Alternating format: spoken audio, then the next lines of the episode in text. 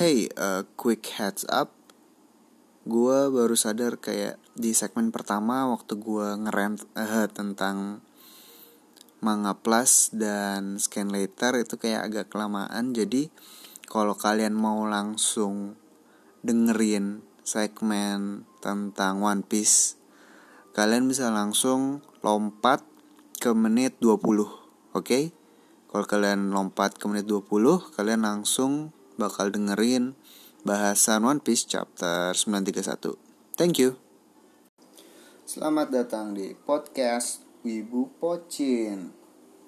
Um, gue lagi rekaman ini sambil main Kingdom Hearts 3 di PS dan overall seru banget sih.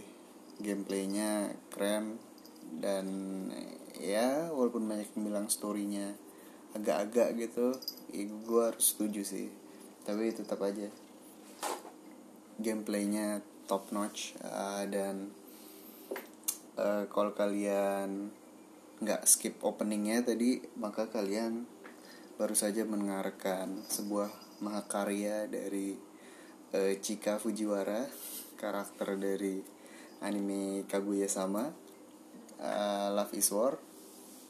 Itu kalau kalian belum nonton sekarang adalah waktu yang tepat sih menurut gue gue juga udah pernah bahas ini waktu ngomongin preview anime-anime di season winter 2019 Kaguya salah satu yang gue jagokan gitu untuk jadi anime of the season. Dan so far adaptasinya keren banget sih. Um, seperti halnya anime-anime dengan genre komedi gitu salah satu selling pointnya adalah dengan kreativitas yang sangat tinggi gitu gimana mereka memainkan atau membolak-balikan format anime yang biasa gitu menjadi sangat unik. Dan salah satunya ya itu lagu barusan yang animasinya sendiri itu keren banget sumpah. Detailnya sangat tinggi dan kalian gak bakal nyangka kalau itu tuh pure uh, animation. Kalau CGI masih mungkin gitu tapi kalau untuk full 2D animation itu tuh gila banget sih. Dan uh, itu lagunya gue potong setengah jadi sisanya bisa kalian dengarkan uh, di akhir episode ini. Oke okay di edisi kali ini gue mau ngomongin tentu saja One Piece chapter 931 tapi sebelum itu ada satu hal yang perlu gue e, bicarakan atau beritahu kepada kalian gitu. Jadi gue udah pernah bahas ini sih di twitter gue tapi tentu saja reachnya itu nggak banyak karena base follower gue dikit dan ya gitulah. Intinya gue emang gak bakat untuk menjadi viral gitu. Tapi gue bakal mulai dengan ini mengenai manga gitu mengenai manga dan bagaimana kebiasaan kita yang telah berubah gitu karena adanya internet di mana dengan akses internet yang begitu mudah akhirnya kita bisa baca manga seperti yang orang Jepang rasakan yaitu dengan membaca chapter secara mingguan gitu karena selama ini kita di Indo ya bacanya lewat buku-buku terbitan uh, publishers ini entah itu Gramedia, MNC dan uh, Level Comics atau apalah itu kita cuma baca versi jilid-jilidnya gitu. Dan setiap jilid itu lama terbitnya. Paling cepat sebulan. Sebulan sekali terbit. E, bahkan sekarang serial yang udah mulai catch up dengan yang di aslinya di Jepang gitu yang paling update harus kena delay terbit juga. Jadi terbitnya jadi tiga bulan sekali gitu. Itu lama banget men. Dan kita sendiri tahu bahwa jilid-jilid yang terbit di Indonesia itu jaraknya sangat jauh dengan yang currently uh, happening gitu. Jadi contoh aja gue kemarin cek One Piece habis beli One Piece paling baru itu volume 87 dan itu baru sampai Luffy dan kawan-kawan kabur dari Big Mom waktu wedding punya Sanji dan Puding gitu. Padahal sekarang kita tahu di manganya cerita Whole Cake Island udah selesai, udah lewat lagi Reverie walaupun sebentar dan sekarang kita ada di tengah-tengah cerita Wano. Itu jauh banget dan meskipun ya jilid komik yang terakhir kali terbit di Jepang itu 91 atau 92 kalau nggak salah. Uh, dan itu pun baru mulai arc yang Wano gitu. Tetap aja sih uh, jaraknya masih terlalu jauh gitu.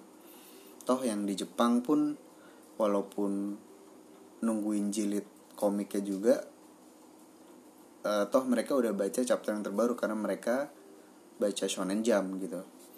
Dan untungnya sih sebenarnya dengan adanya internet kita jadi bisa membaca chapter-chapter uh, satuan gitu yang mereka baca di Shonen Jump di scan di scan gitu oleh eh, orang-orang yang niatnya baik tentunya yaitu untuk memberikan update terbaru dari chapter-chapter manga yang kita suka. Dan lebih keren lagi kita bisa baca semua dengan cuma-cuma gitu ya tentunya ada iklan dan segala macam tapi nggak masalah lah. Gitu dan itulah yang akhirnya melahirkan uh, tim atau orang-orang yang disebut dengan scan laters hal ini udah berlangsung bertahun-tahun walaupun kalau gue sendiri ya gue sendiri baru merasakan itu di tahun waktu gue SMP sih sebenarnya. Itu di manga aduh gue lupa. All manga all manga reader bukan manga hir bukan yang website warna merah itu kalau nggak salah. Kayak ada sharingannya jir gue lupa. Pokoknya sebelum manga stream sebelum manga rock sebelum manga hir shit. Ya nanti gue cek lagi lah. Tapi itu zaman SMP itu waktu gue baca Naruto waktu baca One Piece tuh udah ada. Sekitar 2007 kali ya. 2007 2006 dan berarti sekarang udah hampir 15 tahun dan akhirnya hal tersebut akan mengalami sedikit perubahan karena mana pun juga buat kalian yang belum sadar itu belum tahu mungkin bahwa yang kita baca itu selama ini sifatnya ilegal. Simply karena uh, scan letter ini bukan tim resmi mereka bukan publisher resmi yang bekerja under uh, Shueisha atau Gramedia gitu. Mereka bekerja independen dan tentu saja niatnya baik seperti yang gue bilang tadi karena mereka adalah fans yang ingin uh, nge-share juga ke fans-fans yang lain gitu. Dan itu bukan hal yang hal yang buruk juga karena banyak dari yang scan letter scan letter ini akhirnya mendapatkan pekerjaan di industri manga jadi yang e, bikin terjemahannya tentunya gitu kan. Terus yang rapiin e, komik-komiknya. Karena itu tuh printan atau scanan awalnya tuh emang jelek. Sampai kita bisa baca yang bersih putih itu itu editannya lumayan loh. Ditambah lagi ngedit-ngedit uh, tulisan-tulisan Jepangnya gitu kan dihapus dirapiin. Dan ya kalau nggak salah sebutnya type type setter ya kalau nggak salah uh, dan itu membuat mereka dapat banyak kerjaan di dunia nyata juga sih di industri manga. Dan itu keren tapi uh, tetap tidak bisa dibungkiri bahwa yang mereka lakukan itu uh, technically uh, ilegal dan mereka nggak bisa disalahkan juga karena akses manga sendiri uh, awalnya memang tidak pernah ditujukan untuk global consumption gitu. Uh, mereka base nya kan di Jepang dan publishingnya ya dari Jepang untuk Jepang gitu. Walaupun sekarang anime dan manga sudah mendunia tetap aja uh, main audiensnya itu marketnya tetap di Jepang. Dan akhirnya hal itu berubah gitu karena sekarang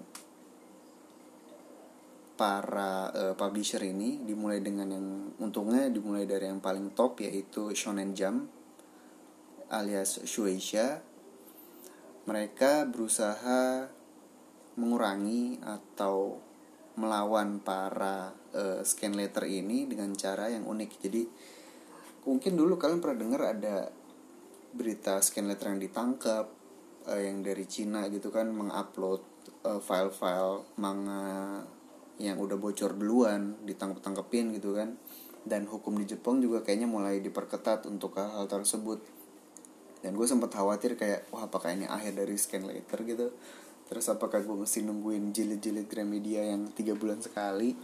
Tapi ternyata uh, itu udah benar-benar merajalela dan mati satu kayak tumbuh seribu. Pasti ada lagi yang baru dan ya udah supply ke scan letter itu nggak bakal berhenti dan kita masih bisa baca update terbaru One Piece, Naruto dan Naruto, Boruto, Dragon Ball dan lain-lain sampai sekarang. Gitu loh dan kayaknya tuh usaha apa pun yang dilakukan oleh pemerintah Jepang itu nggak ada artinya gitu loh. Dan akhirnya mereka menciptakan sebuah solusi yang menarik karena daripada dilawan gitu dengan hukum dan segala macam mereka mencoba terjun ke dunia yang sama dengan para scan later ini yaitu dengan cara distribusi digital gitu uh, mereka melakukannya dengan aplikasi Shonen Jump Plus yang sebenarnya udah terbit lumayan lama di negara-negara luar gitu US, Kanada, bukan Indonesia sih. Jadi konsepnya benar sama persis. Uh, the news chapter same day as Japan. Kita bisa langsung baca di aplikasi dan akhir tahun lalu mereka mengubah bisnis model mereka mereka dari full subscription menjadi uh, sejenis uh, apa ya freemium freemium gitu. Jadi chapter-chapter terbaru bisa dibaca secara gratis gitu tanpa signing up. Cuman kalau mau baca the whole library itu baru ikutan subscription ala ala Spotify. Dan setelah berubah bisnis model itu akhirnya mereka coba expanding yaitu dengan membawa yang freemium modelnya tadi untuk global jadi kalau yang Shonen Jump Plus tadi untuk beberapa negara aja uh, mereka sekarang meluncurkan sesuatu aplikasi yang namanya Manga Plus itu khusus untuk uh, global audience. Jadi sekarang gitu coba kalian buka Play Store, App Store, cari aplikasi Manga Plus. Uh, nanti bakal ada tuh Manga Plus by Shueisha, logonya Luffy.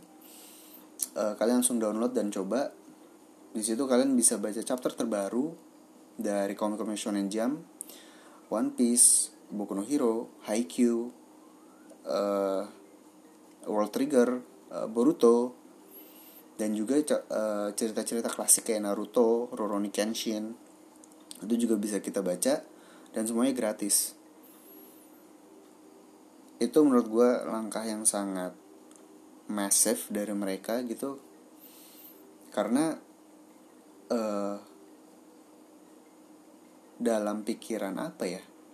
Kalau masih pikiran konvensional gitu kalau lo mau baca chapter terbaru ya lo harus bayar gitu kan.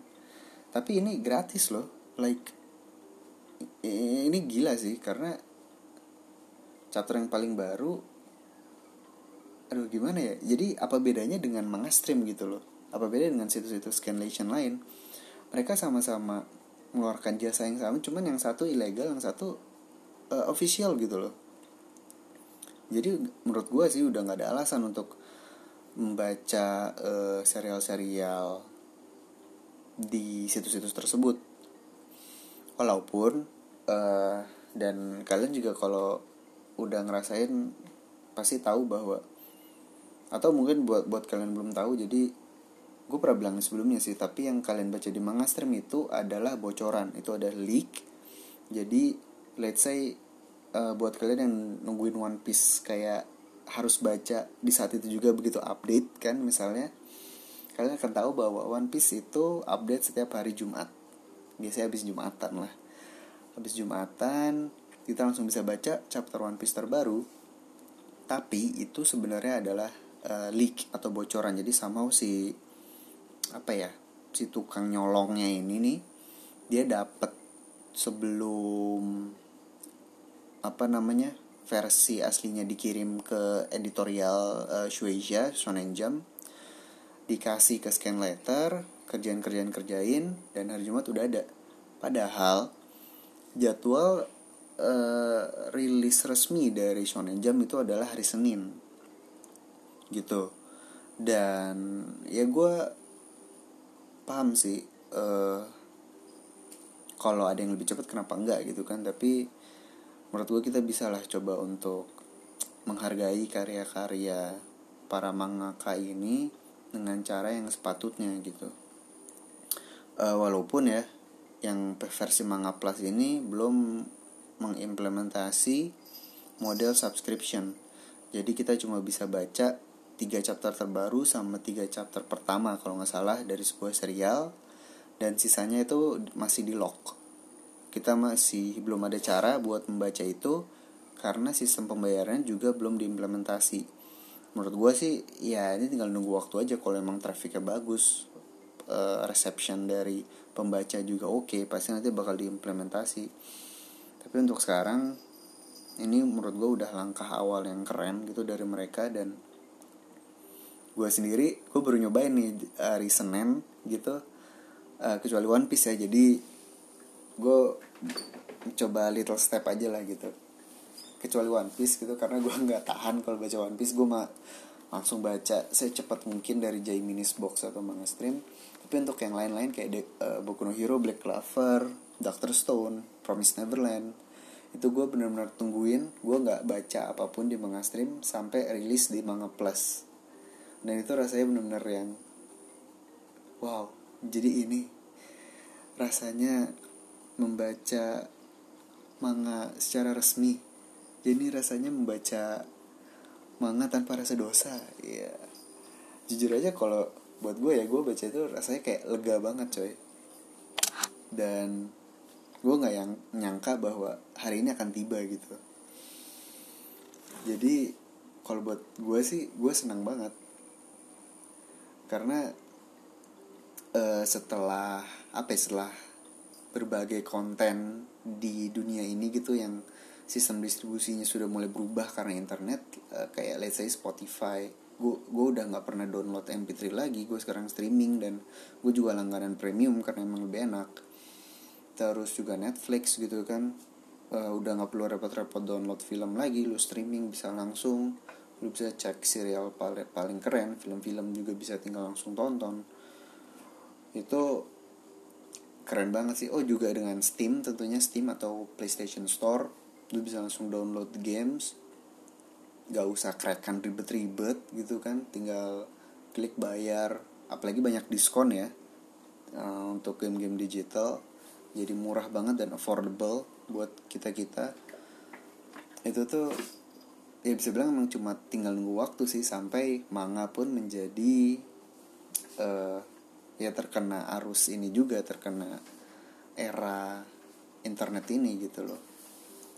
Dan walaupun kelihatannya agak telat tapi it's okay for me dan kita lihat apakah ke depannya aplikasi ini bisa menjadi sesuatu yang apa ya banyak digunakan lah gitu. Dan apakah para scanlation ini scanlator ini bakal gulung tikar gitu. Ya kalau gue pribadi sih masih ragu gitu kalau itu terjadi karena ya simple aja. Uh, ini kan baru Shueisha Shonen Jump. Jadi lu nyari Attack on Titan ya nggak ada. Lu nyari Natsu no Taizai Detektif Conan uh, apa lagi ya? Ya serial-serial populer yang non Shonen Jump ya lu nggak bakal temuin di situ. Jadi masih lama sih sampai seluruh publisher melakukan atau mengikuti hal yang sama seperti uh, Shonen Jump. Terus juga aplikasinya sendiri gue udah make sekitar semingguan dan masih clunky banget sih masih banyak bug. Kadang-kadang suka force closed dan belum banyak fitur-fitur yang mengenakan kayak bookmark. Misalkan lu baca di halaman 5 terus lu cabut kan pengen baca lagi lu perlu ngulang lagi. Dan fitur-fitur yang kayak gitu sih. Uh, fitur search juga belum ada itu kayak anjir library-nya banyak cuman lu nggak bisa nyari capek banget kan. Intinya sih uh, masih banyak improvement yang perlu mereka lakukan. Tapi langkah pertama sekali lagi ini langkah pertama yang cukup besar sih. Bagi industri manga di dunia gitu. Dan okay, I think that's all abis ini kita langsung dengerin bahasan One Piece chapter 931 One Piece chapter 931 dengan judul Soba Mask alias Topeng Soba alias Soba Kamen atau Kamen Soba. Sebentar, gue coba lihat Google Translate dulu. Uh, noodle mask from English to Japan. Uh, malah hiragana.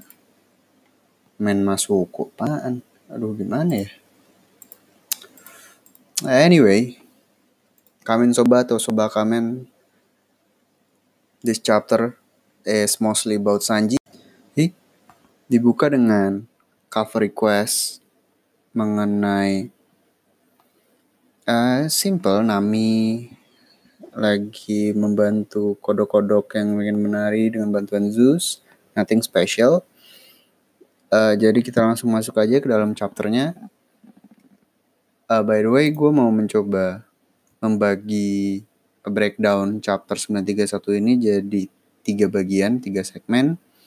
Yang pertama mengenai Sanji, kedua mengenai Robin, dan ketiga mengenai Chopper atau lebih tepatnya mengenai a certain uh, woman Yonko gitu. Oke, okay, bagian pertama dibuka dengan Sanji, jadi langsung uh, pick up where it left off dari chapter 930. Untungnya gitu ya, karena gue udah nungguin banget nih transformasi dari Sanji yang akan menggunakan raid suit. Dan uh, alhamdulillah gitu perubahan Sanji ternyata jadi keren, uh, nggak jadi uh, jadi bukan sekedar comedic relief. Ini memang truly a power up untuk seorang Sanji. Uh, gue juga salah sih prediksi gue karena gue mengira bahwa warna dari kostumnya ini atau raid suitnya Sanji ini bakal warna kuning karena gue kira bakal ngikutin uh, kakak-kakaknya gitu yang memang warna rambutnya sesuai sama kostumnya kayak Ichiji merah, Niji biru dan Yonji uh, hijau, terus Reiju juga pink, uh, Judge juga Judge abu-abu tapi kalau nggak salah. Dan ini uh, tetap make sense sih dia mau pakai kuning atau pakai hitam karena dan mestinya gue bisa memberikan alternatif gitu kemarin di uh, episode sebelumnya waktu mem memprediksi suitnya Sanji ini. Karena ya dia kan memang julukannya Sanji si kaki hitam alias Black Leg. Jadi uh, mestinya dari situ bisa membuat teori kecil-kecilan lah. Terus juga dalam uh, sejarahnya memang Power Ranger hitam itu memang tipe yang dia itu bukan bagian dari geng Power Ranger yang utama gitu. Jadi biasanya muncul setelah beberapa puluh episode gitu kan.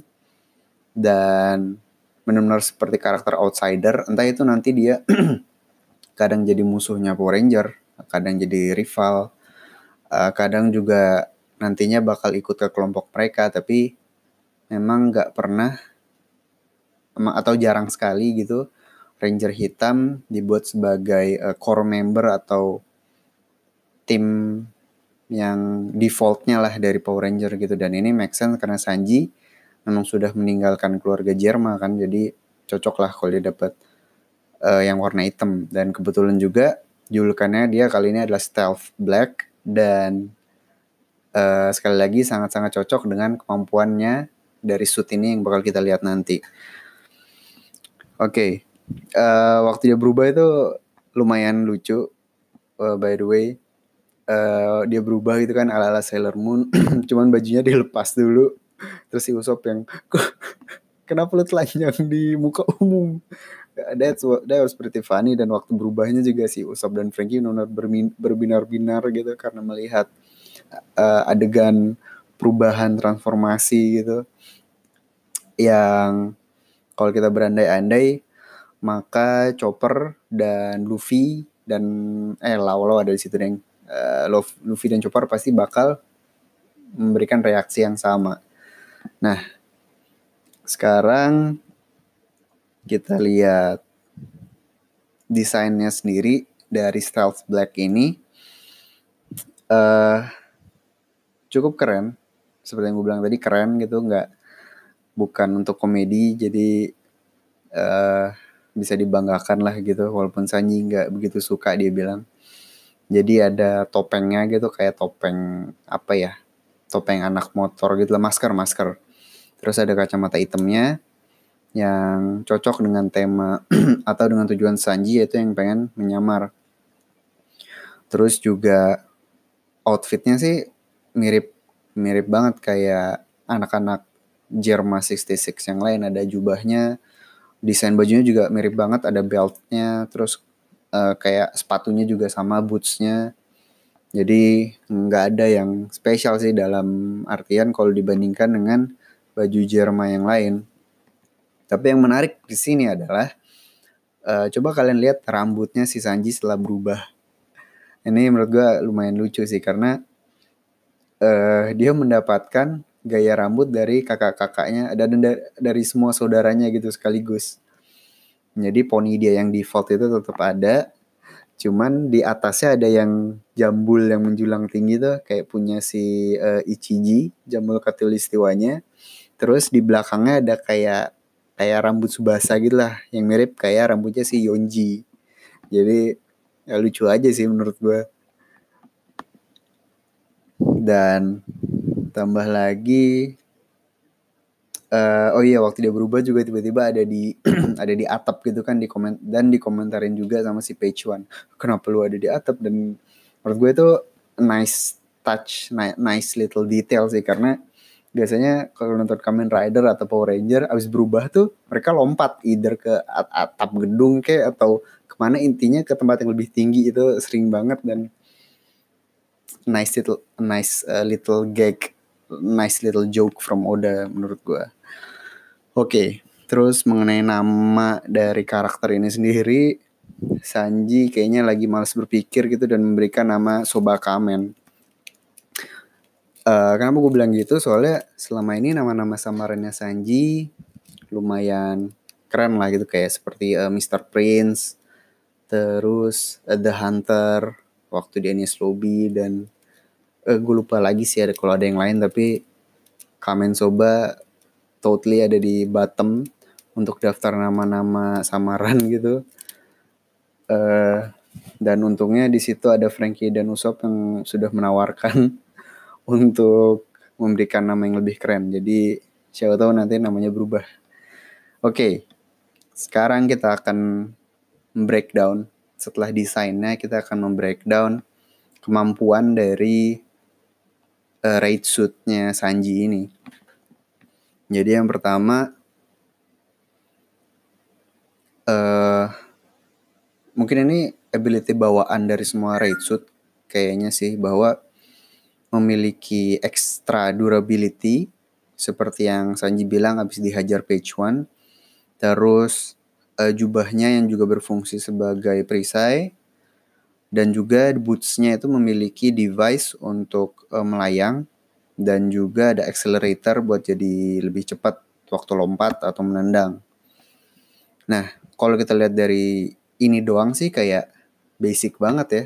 Dan ditambah lagi kemampuan ini memang Sanji tuh udah punya sebenarnya. Untuk floating dia udah bisa uh, teknik uh, apa namanya?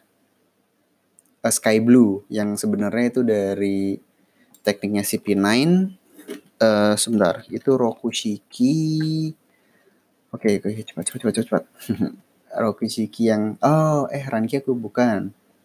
Roku Ogan bukan. Gepo Gepo Gepo alias Moonwalk. Eh bukan Moonwalk.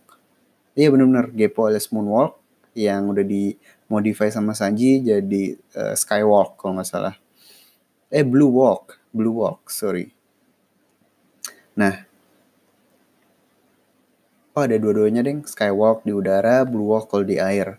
So anyway uh, floating device-nya jadi nggak begitu wow gitu walaupun nampak seperti apa ya enhance gitu ability Gepo-nya Sanji ini jadi lebih keren karena sebelum scene itu berakhir Sanji itu benar-benar tinggi banget di atas dan nggak terdeteksi sama si Page One terus yang drop kick yang super kencang.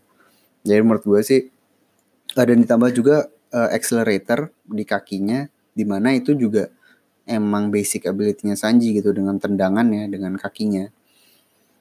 Jadi untuk basic uh, suitnya ini uh, jadi memang cuma apa ya ya simply uh, boosting kemampuan yang sudah Sanji miliki gitu uh, naik level lah istilahnya jadi nggak ada ability baru cuman combat ability-nya Sanji sendiri jadi meningkat gitu. Nah, itu untuk basic ability-nya dan sekarang untuk special ability. Seperti yang gue bilang di atau bukan ini sih uh, seperti yang kita tahu gitu bahwa setiap raid suitnya Jerma ini memang punya kemampuan yang beda-beda. Kayak si Ichiji punya kemampuan api, uh, Niji punya kemampuan listrik sama Yonji punya kekuatan pegas kalau nggak salah. Um, kalau Reiju gue nggak tahu yang poisonnya itu uh, itu buah iblis atau memang bagian dari raid suitnya dia. Nah kalau untuk Sanji sendiri ini ini brilian sih dari Oda uh, idenya menurut gue karena kemampuan dari Stealth Black adalah invisibility alias menghilang. Uh, untungnya juga dikasih literally dikasih flashback sama Oda gitu mengenai betapa pentingnya kemampuan ini bagi seorang Sanji gitu. Uh, jadi gue nggak perlu jelasin lagi. Uh, tapi tetap aja sih ini bener-bener priceless lah kalau kata gue karena uh, seperti yang dilihat di flashback juga Sanji sudah menginginkan kekuatan ini dari kecil. Terus dia melihat kemampuan itu ternyata udah ada yang punya. Dan uh, lebih parah lagi kalau walaupun Sanji nggak tahu kemampuan ini sekarang diambil oleh uh, Shiryu dari bajak laut Kurohige. Jadi fakta bahwa dia sekarang bisa memiliki kemampuan tersebut tanpa buah iblis gitu. Itu benar-benar priceless sih dan tepat like literally satu detik setelah dia menyadari kemampuannya ini dia langsung bilang dengan kemampuan ini aku bisa mengintip. Eh maksudku aku bisa melindungi teman-temanku. Oh ya ampun. Bangsat. Itu that's what makes Sanji uh, Sanji. Tapi lucu banget sih dan kerennya lagi uh, dengan kemampuan ini mau nggak mau secara alamiah gitu udah nggak ada alasan lagi bagi Sanji untuk menolak menggunakan raid suit ini. Karena awalnya dia awal kan dia nggak mau make. Terus kayak uh, dia bilang kita perlu membuang uh, ego kita karena kita sedang melawan Yonko. Dan dia bilang juga kayaknya mau make ini tuh kalau diperlukan aja. Tapi dengan adanya kemampuan ini gue nggak heran kalau tiap hari dia make gitu di kapal Thousand Sunny kan. Sanji lu ngapain sih pakai kostum itu? Oh nggak apa-apa. Terus menghilang terus langsung ngintip. Jadi Angel lah ini lucu banget sih. Jadi uh, udah nggak ada alasan lagi buat Sanji untuk tidak menggunakan raid suit ini ke depannya gitu. Jadi ini bukan one off gitu. Seperti jadi yang sempat gue khawatirkan adalah kebanyakan dari uh, ability Sanji itu cuma sekali-sekali doang diliatin kayak taktik-taktik dia yang memang ya itu namanya juga taktik gitu kan tergantung keadaan. Terus juga yang waktu di kereta menuju Enies Lobby itu dia pakai teknik pisau gitu kan uh, sebagai seorang chef dan itu keren banget cuman sayangnya uh, kita udah nggak bakal melihat itu terjadi lagi karena Sanji sendiri udah bilang ada cuma ada dua kondisi di mana dia akan melakukan itu yang pertama adalah tempatnya di dapur dan kedua musuhnya adalah makanan. Jadi uh, walaupun gue pengen lihat lagi udah hampir nggak mungkin sih itu terjadi. Dan gue sempat takut ini akan kejadian lagi dengan raid suitnya Germa ini. Gitu tapi dengan ability menghilang ini hilang sudah keraguan kita akan melihat hal yang sangat menarik gitu baik uh, dari Sanji baik dalam pertarungan dan di luar pertarungan okay. um, desainnya sendiri si Sanji udah bilang kalau dia mau minta Usopp dan Frankie untuk modify jadi mestinya bakal jadi lebih keren lagi. Dan dia bilang specifically Frankie dan Usopp gitu jadi tenang. Karena misalkan dia mintanya khusus ke Frankie yang terjadi adalah bajunya hilang semua jubahnya tetap sama celana dalam. Like that's how Frankie works ditambah lagi nanti di nipple-nya ada nipple lights gitu special nipple lights typical Frankie um, oke okay. Terus uh, that's all about Sanji dan kemampuan menghilangnya yang sebenarnya sih menghilang itu kan seperti yang gue pernah bahas tentang Shiryu menghilang ya lebih kayak utility atau support lah gitu. Uh, dan gue nggak tahu misalkan nanti ada orang yang memiliki Ken Bunshoku atau observation haki yang advance, apakah invisibility itu akan tetap uh, bekerja gitu? Karena bisa dideteksi kan kalau punya haki observation yang kuat. Jadi jadi ini apa ya? Kalau kata gue sih ada good newsnya ada bad newsnya. Jadi yang pertama ya bad newsnya ini bukan power up yang membuat kemampuan Sanji meningkat like uh, eh, 10 kali lipat gitu tapi good newsnya ini berarti ada potensi untuk diri Sanji sendiri uh, untuk tumbuh gitu. Jadi power up yang nantinya Sanji akan dapatkan bakal lebih dari sekedar raid suit ini. Gitu sih menurutku bakal ada teknik-teknik baru yang nantinya bakal Sanji dapatkan untuk jadi lebih kuat dan keep up tentunya dengan Zoro dan Luffy. Oke, okay, that's all about Sanji.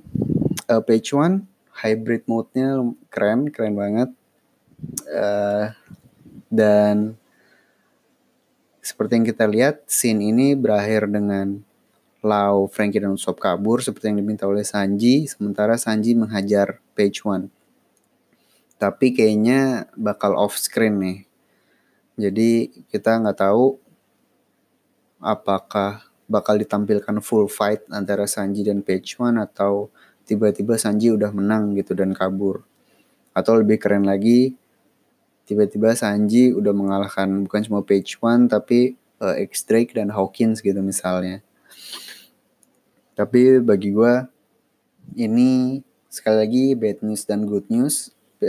bad newsnya adalah gue udah lama pengen lihat full fight dari seorang Sanji dan kalau sampai ini di off screen jadi sedikit kecewa gitu. Tapi good newsnya adalah ini artinya uh, kemungkinan raid suitnya Stealth Black ini masih memiliki beberapa kemampuan yang belum diperlihatkan gitu. Makanya nggak diliatin dulu. Jadi nanti begitu ada fight yang lebih serius, baru nih ada ability-ability baru gitu dari Sanji. Ngomong-ngomong ability dari Sanji, ada seseorang yang nampaknya sangat hafal gitu ya dengan kemampuan-kemampuan dari Jerman 66 tidak lain tidak bukan adalah Trafalgar Law yang uh, sudah dikonfirm ya dengan chapter ini bahwa dia adalah otaku, dia adalah wibu sama seperti kita semua. Uh, dari dulu Lau memang karakter yang menarik banget sih karena dia kaku kayak kaku dan marah-marah gitu kan ah, mirip San mirip Sanji mirip Zoro gitu tapi ternyata dia punya uh, soft spot yang cukup unik gitu bahwa dia sebenarnya he's basically Luffy gitu cuman dia malu aja kayak sundere gitu tidak nggak gak berani buat mengungkapkan perasa atau uh, perasaan atau gimana ya kegembiraannya gitu. Uh, soalnya kayak waktu ngeliat Frankie berubah tuh waktu apa ya dia tuh intinya uh, reaksi dia tuh mirip lah sama Frankie dan Usopp dan Luffy gitu. Dan dengan chapter ini uh, fix lah gitu dia dia wibu banget kan karena dia ngikutin comic stripnya Sora dan Jerma 66 sampai-sampai hafal dan sampai-sampai Usopp tuh uh, lu lu hafal banget sih ini apa gimana lalu dan lucu banget sih. Dan it makes sense karena dia dari North Blue gitu kan. Jadi kayak dan ini menurut gue salah satu kehebatan Oda jadi uh, detail detail detail yang kecil gitu bisa disambungkan over time gitu. Jadi uh, orang yang akan di chapter ini menjelaskan kemampuan Sanji adalah Lau yang kayak kebetulan quote unquote berasal dari North Blue juga. Jadi sangat make sense kalau dia tahu mengenai Jerman 66 dan khususnya kemampuan dari Steel Black.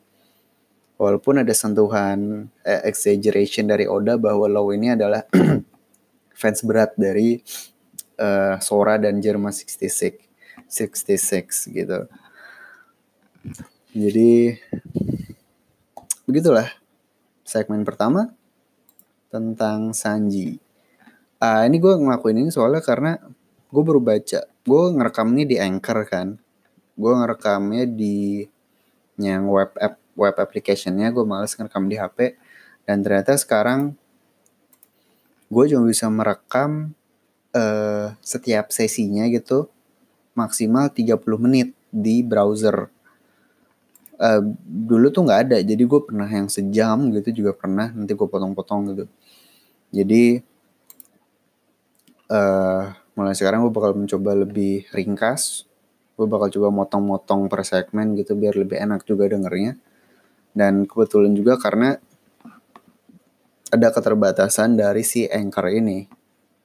Gitu. So next stop kita bakal ngomongin Robin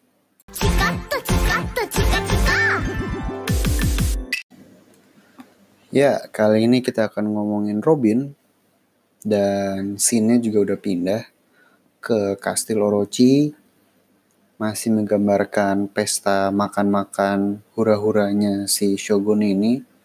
Dan tentu saja Robin langsung menjalankan misinya yang sudah direncanakan sejak lama.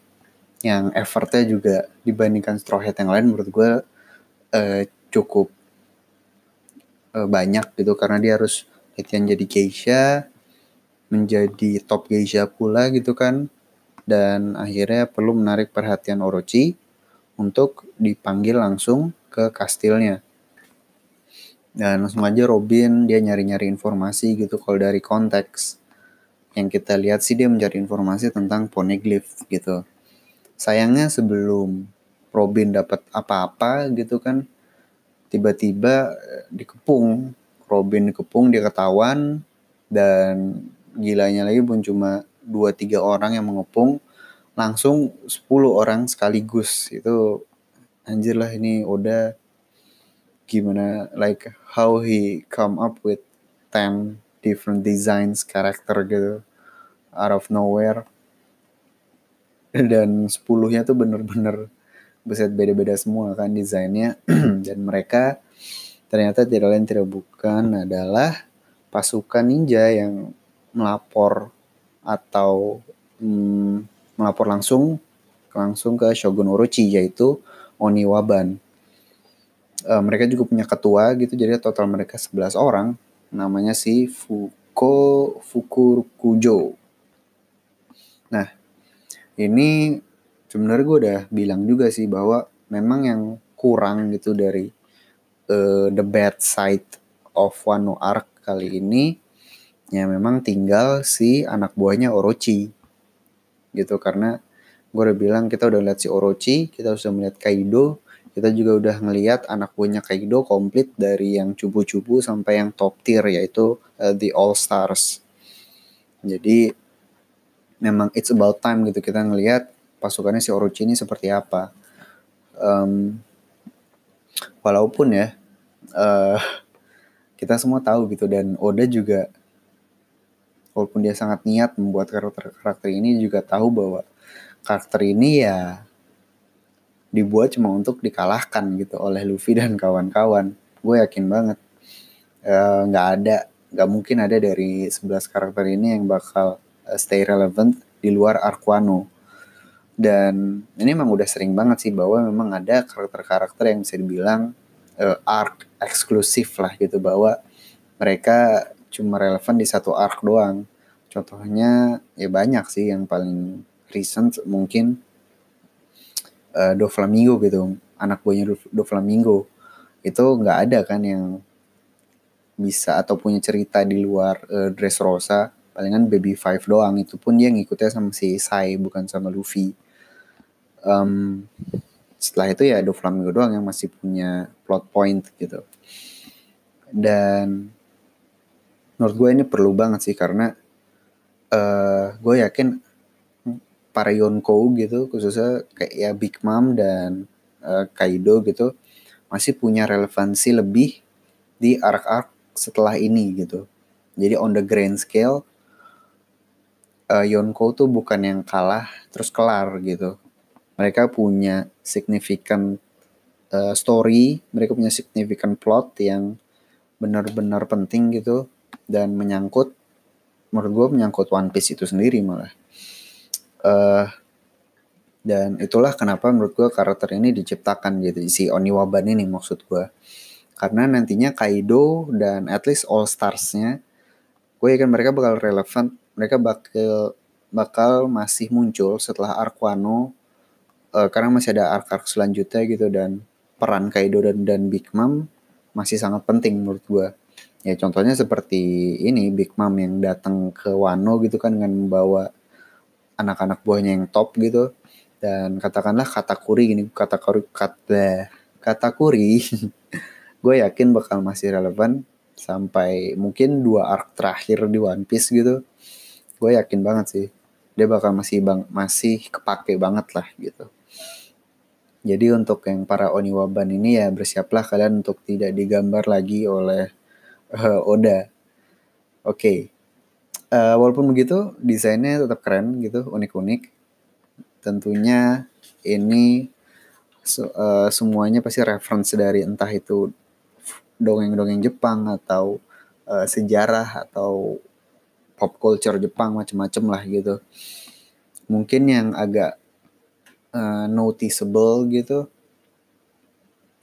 Palingan yang kayak yang desainnya kayak geisha terus yang desainnya listrik-listrik kayak si Enel gitu kan dan dia menunggangi belut listrik gitu. Belut listrik ini kan di pop culture Jepang memang udah sering banget lah gitu bahwa belut ini bisa nyetrum bagaikan Pikachu gitu.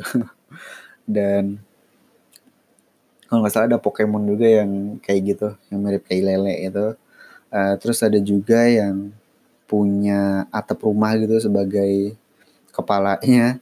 Dan ini adalah reference ke salah satu suku native di Jepang yaitu suku Ainu.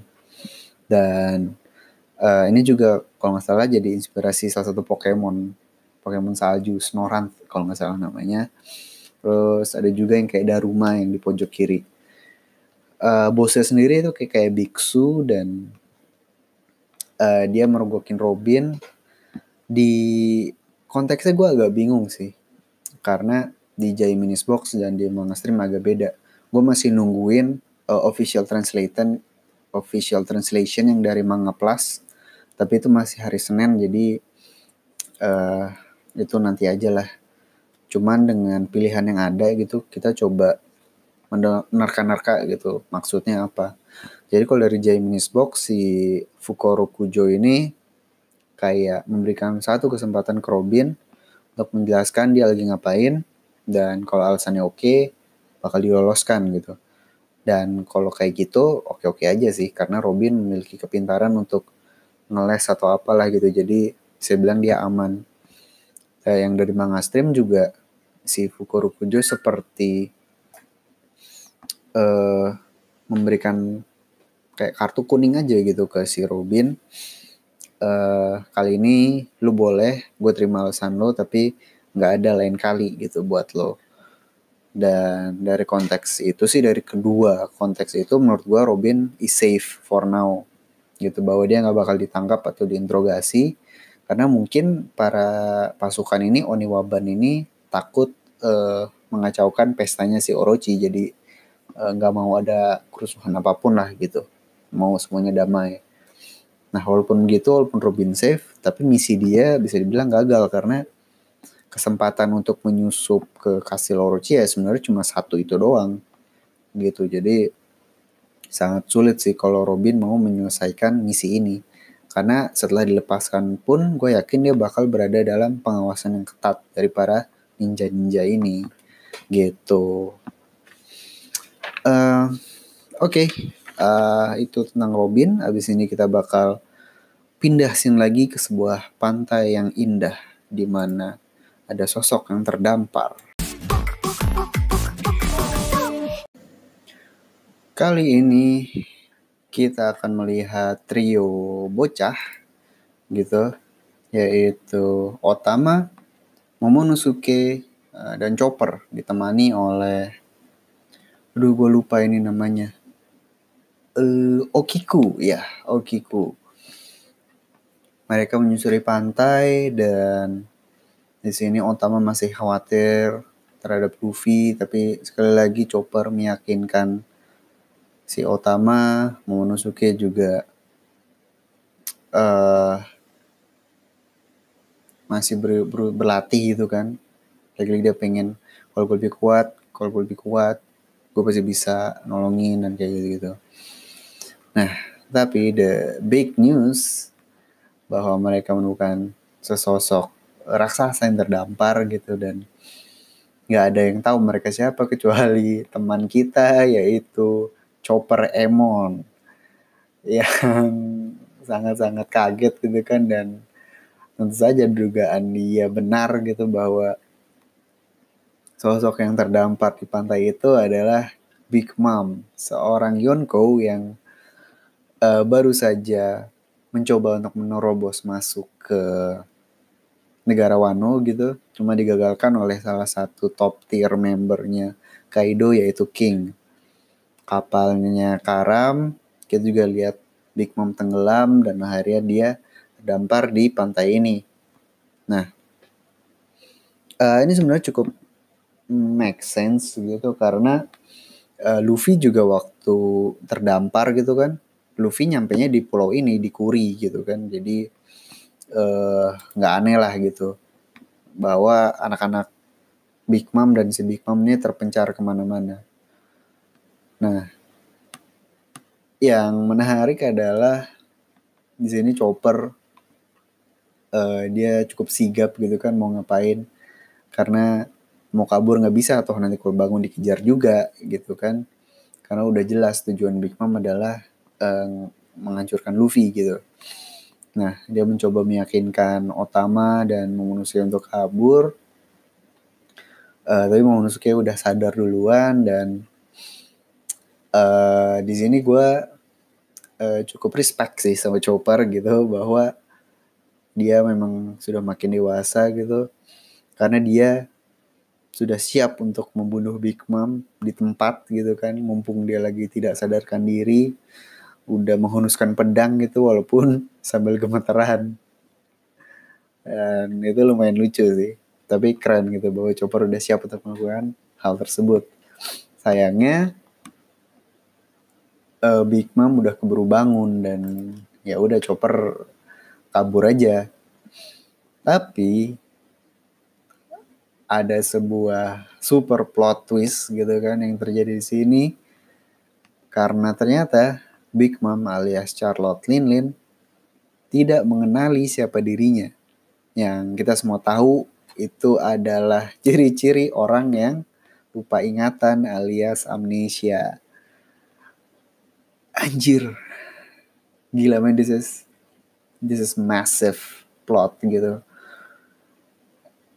ini opens up a lot of possibilities untuk Arkwano kayak anjir dan tentu saja Chopper luar biasa terkejut gitu dia nggak tahu harus ngapain.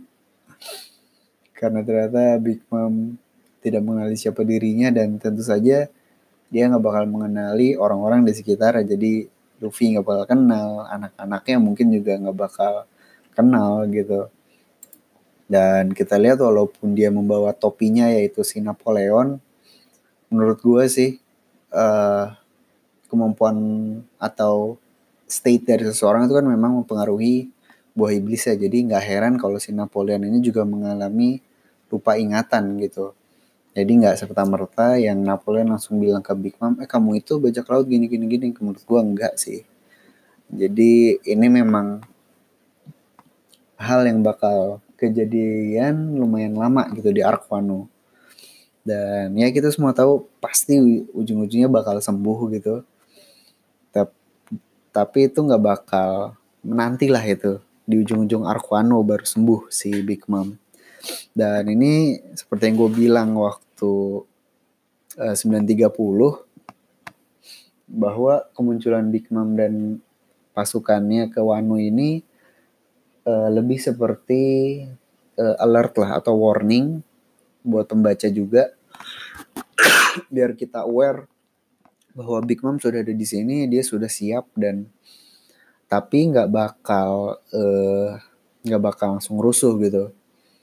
Jadi nanti kan bakal ada climaxnya nih Arquano dan di situlah timing untuk Big Mom tiba-tiba muncul tapi tanpa apa ya tanpa membuat pembaca ngerasa lah kok tiba-tiba ada Big Mom? gitu. Karena kita udah tahu sebelumnya bahwa dia udah menuju Wano gitu. Nah tapi hal ini ternyata di elevate lagi sama Oda uh, dalam artian hal yang gue bilang masih berlaku gitu bahwa uh, Big Mom dan anak buahnya masih bisa dibilang out of the battlefield, out of the arena untuk sekarang. Mereka masih uh, ya di luar arena gitu sampai nanti akhirnya climax dari Arkwano. Cuman bedanya di sini kita mendapatkan uh, raganya si Big Mom dalam artian uh, Big Mom yang kita lihat sekarang ini bukan Big Mom loh. Mungkin dia punya kemampuannya. Mungkin dia punya kemampuan fisiknya dan kemampuan buah iblisnya, tapi dirinya sendiri ini adalah bukan Big Mom, ini adalah Big Mom yang mengalami lupa ingatan. Dan kita semua tahu bahwa di berbagai cerita sinetron lah, eh, drama apalah gitu, bahwa orang yang lupa ingatan either dibantu pemulihan ingatannya atau dibentuk menjadi orang lain gitu. ah, sorry. Dan menurut gue inilah yang akan terjadi kepada Big Mom di Arquano. Ditambah lagi yang ketemu dia adalah Chopper. Ini perfect banget sih. Uh, Oda udah merencanakan ini. Uh, dia udah memikirkan dengan matang gitu bahwa uh, apa konsekuensinya dengan Chopper menemukan Big Mom yang lupa ingatan jadi maksud gue gini, uh, misalkan dia ketemu Straw Hat yang lain, Nami atau Usop gitu, uh, tentu outcome-nya nggak bakal bagus gitu karena mereka luar biasa licik dan pasti bakal dimanfaatin. Gitu jadi uh, dimanfaatin gitu kan. Sampai Arkono benar-benar literally dijadiin bodyguard dijadiin budak malah mungkin kalau bisa oleh dua orang licik ini.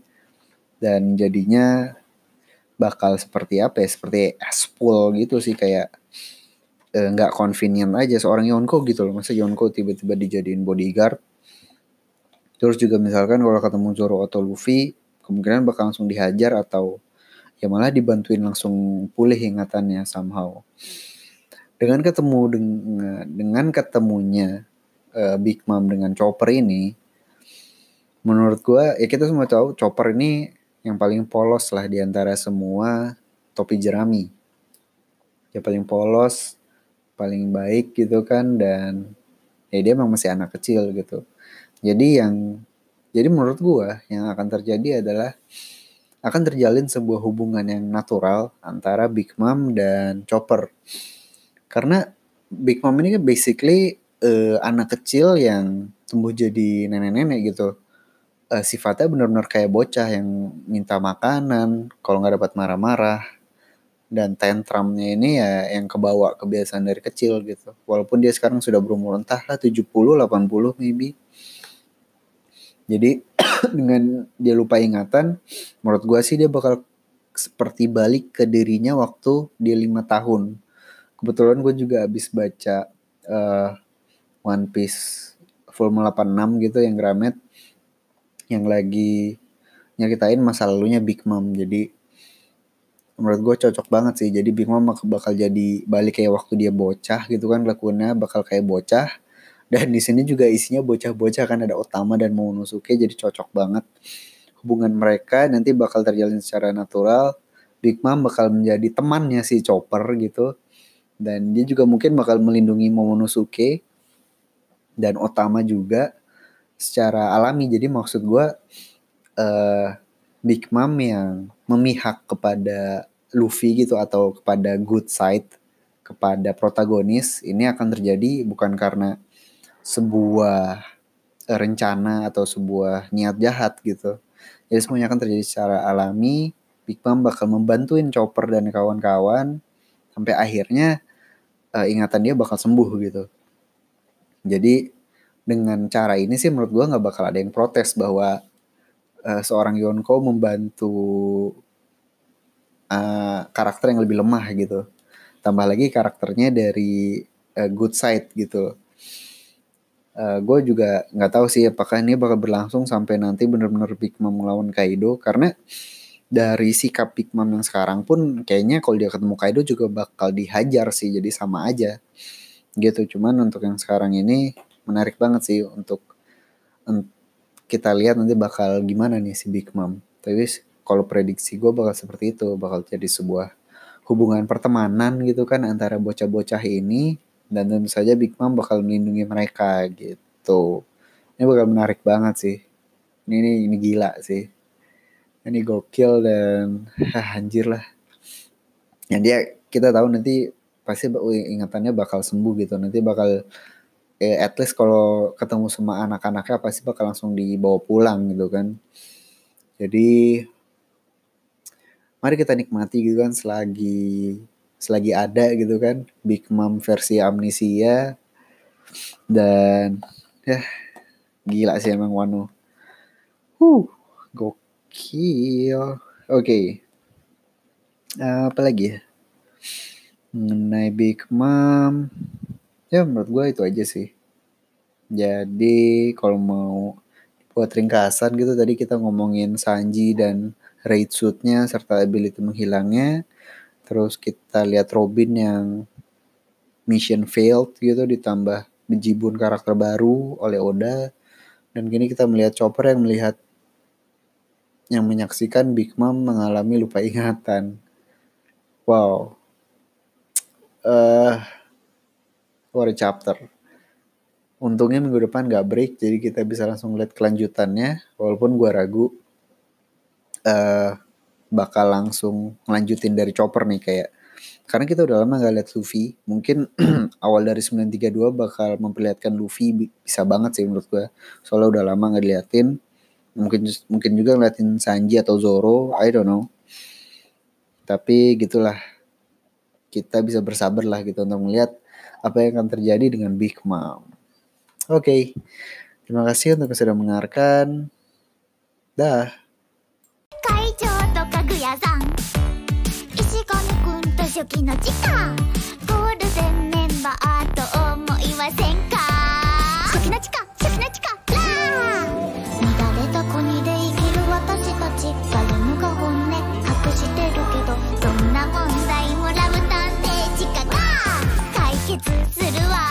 IQ さんでも任せなさい。シュキシュキシュキシャキシャキ設定うかうかしてた